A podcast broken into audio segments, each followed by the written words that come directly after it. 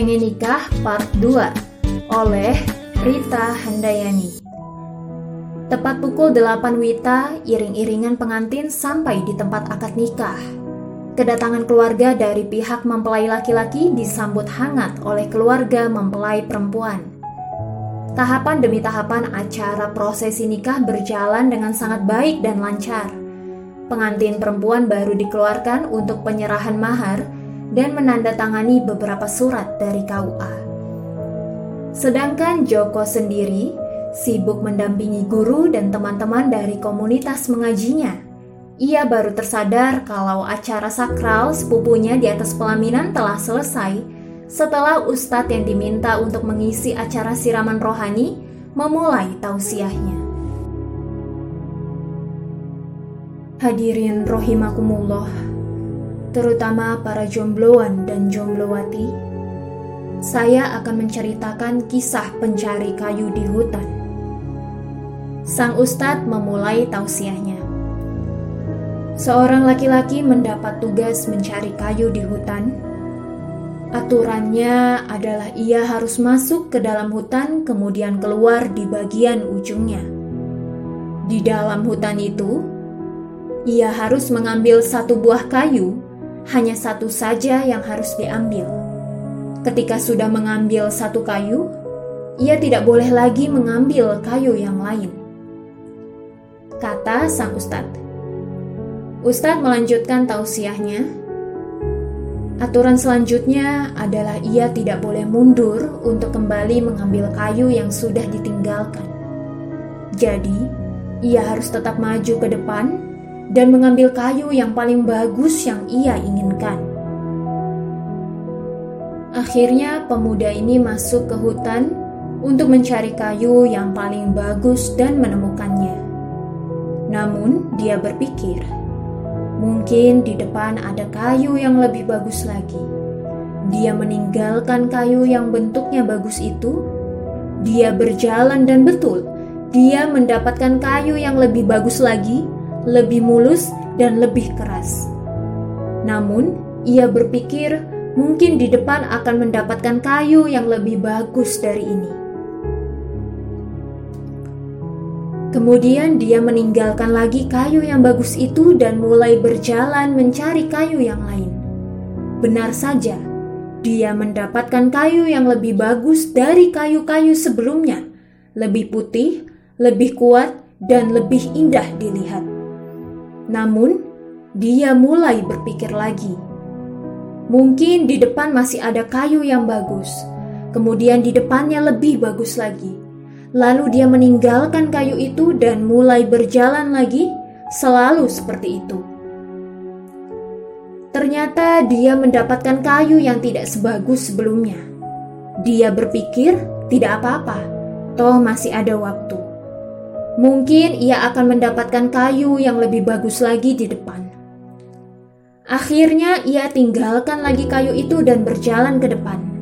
Ternyata di depan dia mendapatkan kayu yang lebih buruk, lebih getas, lebih rapuh, basah dan tidak sesuai dengan idealisme yang sedang dicarinya.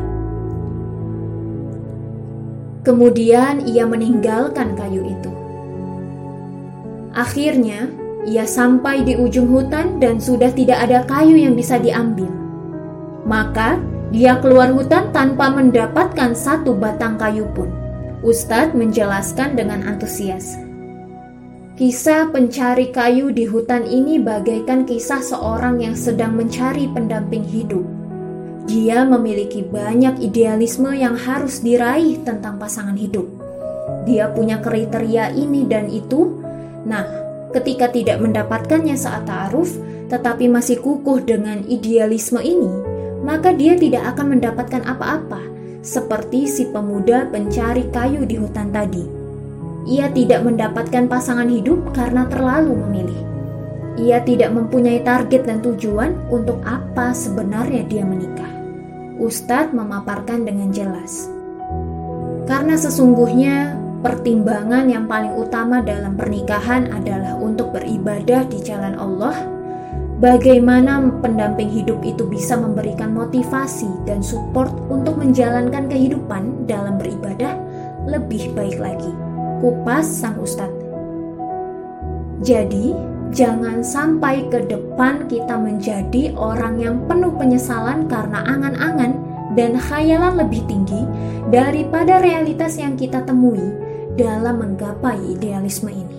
Ustadz menjelaskan.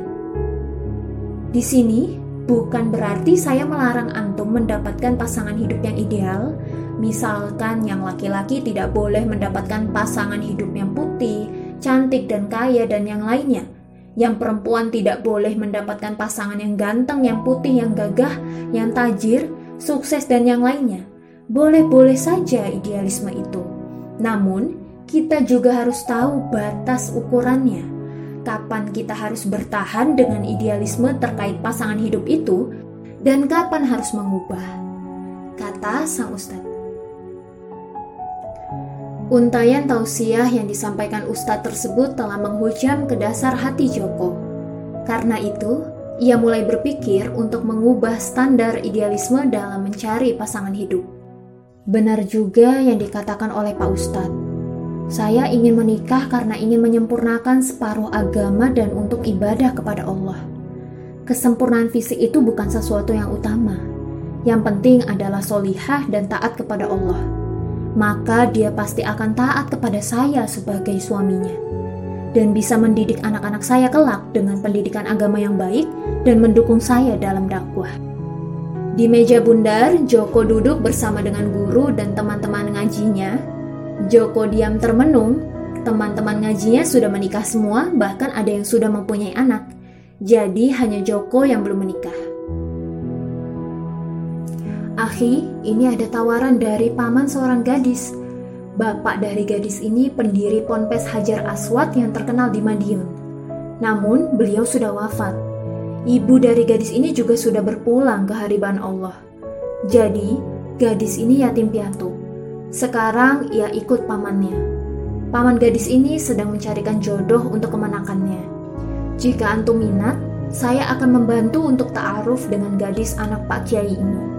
Insya Allah agamanya baik, demikian juga dengan keilmuan terkait hafalan, hadis, dan lainnya, karena ia ikut menjadi pengajar di pesantren milik bapaknya.